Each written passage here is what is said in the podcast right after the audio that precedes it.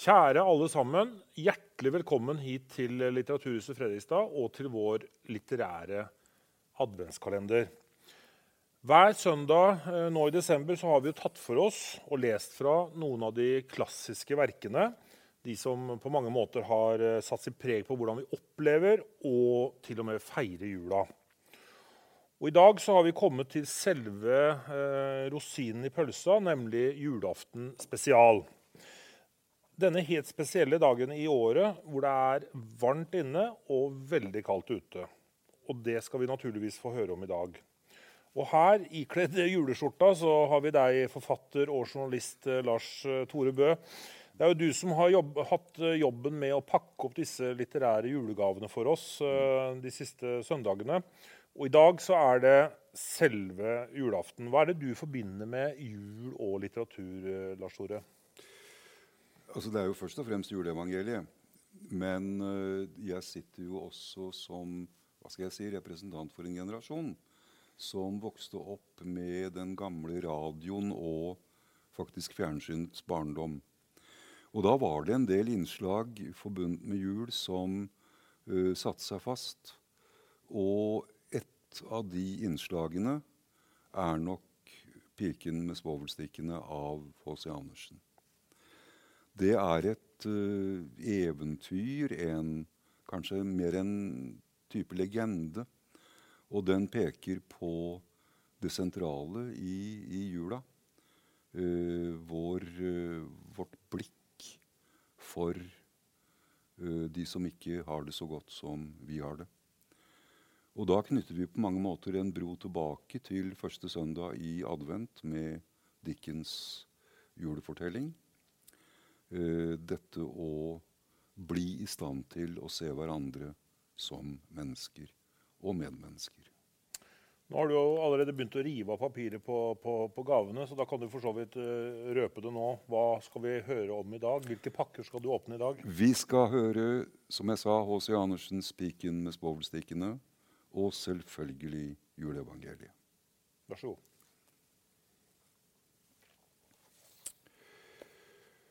Det var fryktelig kaldt. Det snedde. Og det begynte å bli mørkt. Det var den siste kvelden i året, nyttårsaften. I kulden og mørket gikk det en liten, fattig pike på gaten. Hodet var bart og føttene nakne. Ja, hun hadde jo hatt, hatt tøfler på seg da hun gikk hjemmefra, men ja, hva hjalp vel det? Tøflene var altfor store, og det var moren hennes som hadde brukt dem før. Ja, de var så store at den lille piken hadde mistet dem da hun løp over gaten for ikke å bli påkjørt av en vogn som for forbi. Den ene tøffelen var det uråd å finne igjen, og den andre løp en gutt sin vei med. Han sa han kunne bruke den til vugge når han fikk barn. De nakne føttene til den lille piken var røde og blå av kulde.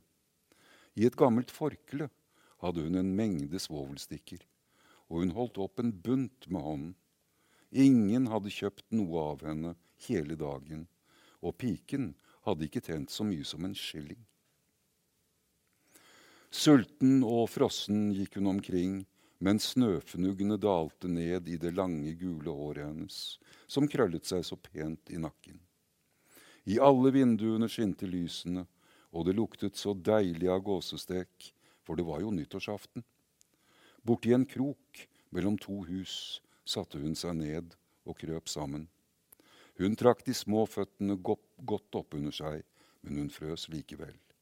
Hun våget ikke å gå hjem, for hun hadde ikke solgt en eneste svovelstikke, og faren ville sikkert slå henne. Kaldt var det også hjemme, for vinden pep gjennom huset enda det var dyttet strå og filler i sprekkene. De små hendene hennes var nesten døde av kulde. Å, en liten svovelstikke kunne gjøre godt.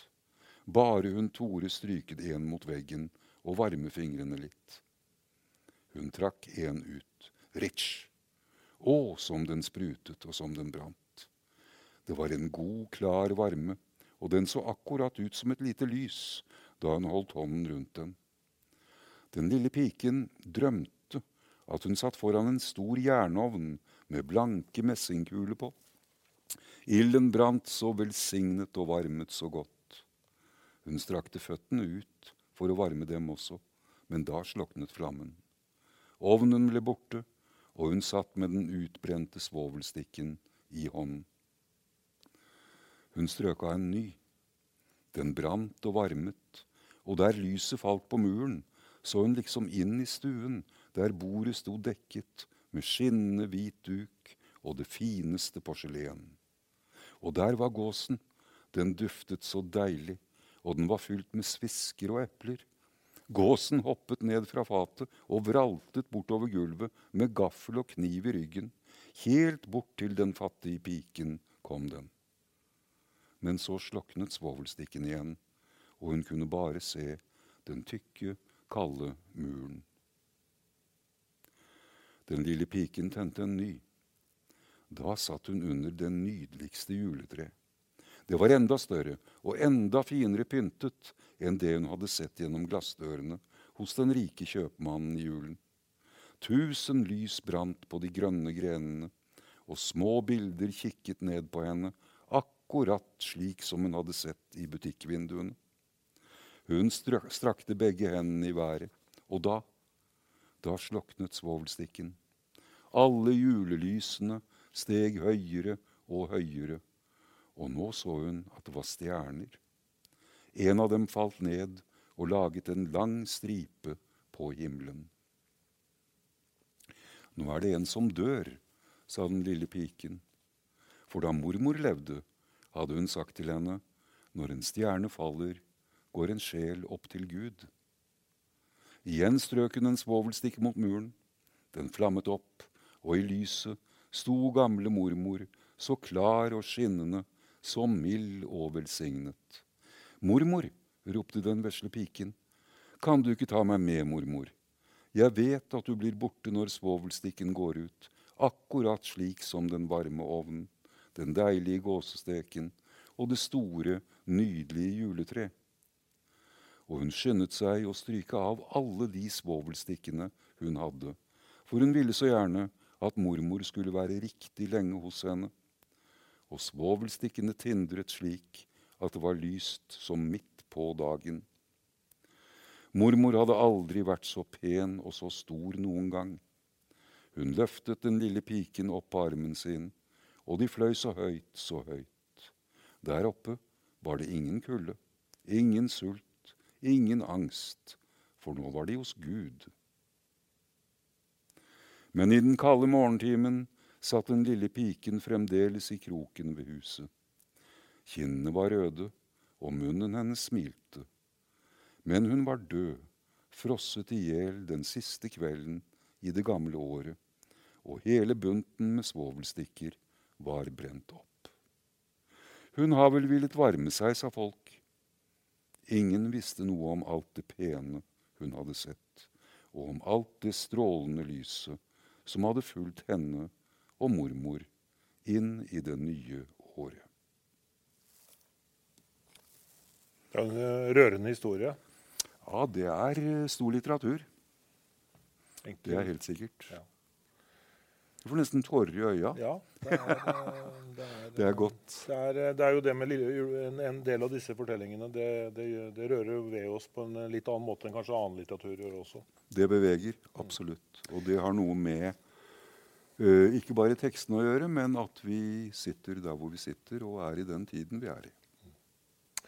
Vi skal over til en, en annen fortelling, for så vidt fra en annen tid også. En fortelling som veldig veldig mange har hørt, og, og, for så vidt en av de må vi nesten kunne si at det er en av de viktigste litterære tekstene som noen gang er begått. Ja, altså vi kan vel si det så sterkt at uh, om det ikke er den mest leste, så er det i hvert fall den mest hørte litterære teksten uh, gjennom tidene. Det tør jeg påstå. Og da snakker vi om Juleevangeliet eller Lukas andre kapittel, de 20 første versene. Når ble denne uh, skal vi kalle det historien skrevet, eller denne, dette, denne litterære teksten uh, ført til pennen? Uh, vi regner vel med at den så dagens lys omkring 80 år etter Kristus. Lukasevangeliet Lukas evangeliet skriver seg fra den tiden omtrent. Uh, den har nok gått på folkemunne lenge. Har beretningen gått fra menneske til menneske. Og så er det jo sånn at uh, våre forestillinger om jula, om julaften, juledagen, er en sånn samkjøring av Lukasevangeliet og Matteusevangeliet. Hos Lukas hører vi ingenting om vise menn og Betlehemstjerna og sånne ting. Men det gjør vi hos Matteus. Og så har vi noe som heter Jakobsevangeliet, et slags uh, uh, apokryft evangelium som aldri kom med i Det nye testamentet. Barndomsevangeliet blir det også kalt. Der befolkes uh, stallen av okse og esel og, og disse tinga. Så sammen så utgjør disse tre urtekstene en type, en type, modell for uh, julekrybbene som vi setter opp i jula. Mm. Da går vi løs på det som veldig mange forbinder med jul, nemlig juleevangeliet. Vær så god.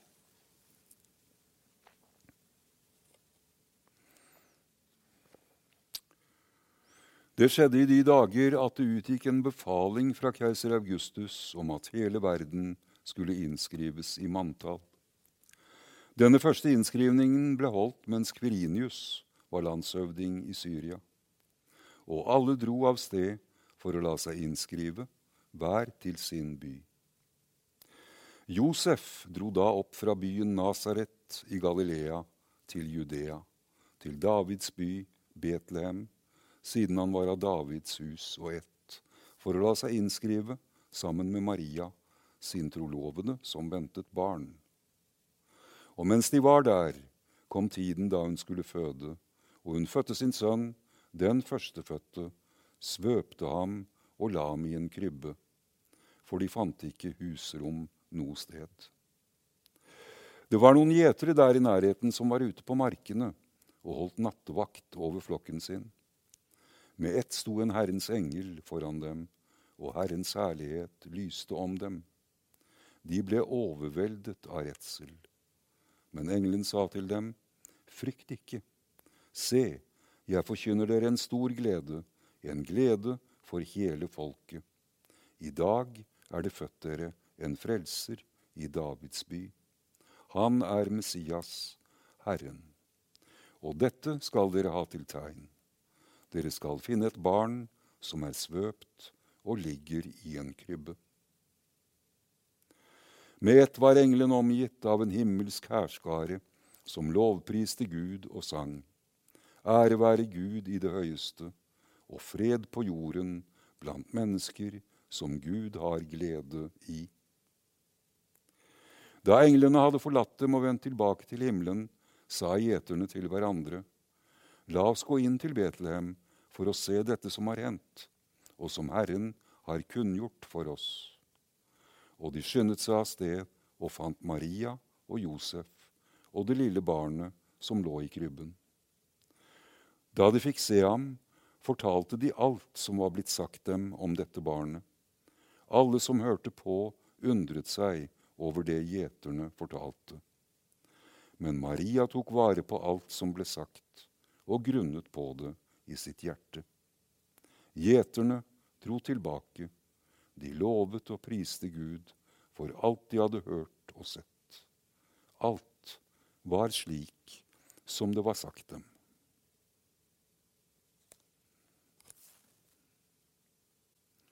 God jul. God jul, eh, Lars Torebø. Ehm, hva, når vi snakker om jul, så, snakker, så, har man jo også litt mer tid. Eh, hjemme sammen med kjente og kjære. Det er jo også en tid hvor man har tid til å lese. lese. Har du noen gode litterære tips for, eh, for jula, Lars Storebø? Oh, det er så mye. Uh, nei, det, det, kom brått på. Uh, det er jo et hav å, å ta. Uh, men finn noe som roer ned. Du, har jo nevnt, eh, du var jo også inne på Selma Lagerlöf eh, innledningsvis her. Eh, Ja. Absolutt. Den kan du si litt om? Selma Lagerlöfs Kristuslegender er absolutt lesverdig. Godt over 100 år gamle, men de holder, så de holder altså. De holder mål.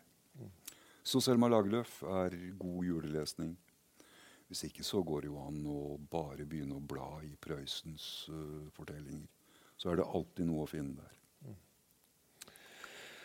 Da er vi kommet til, veis ende i denne advents...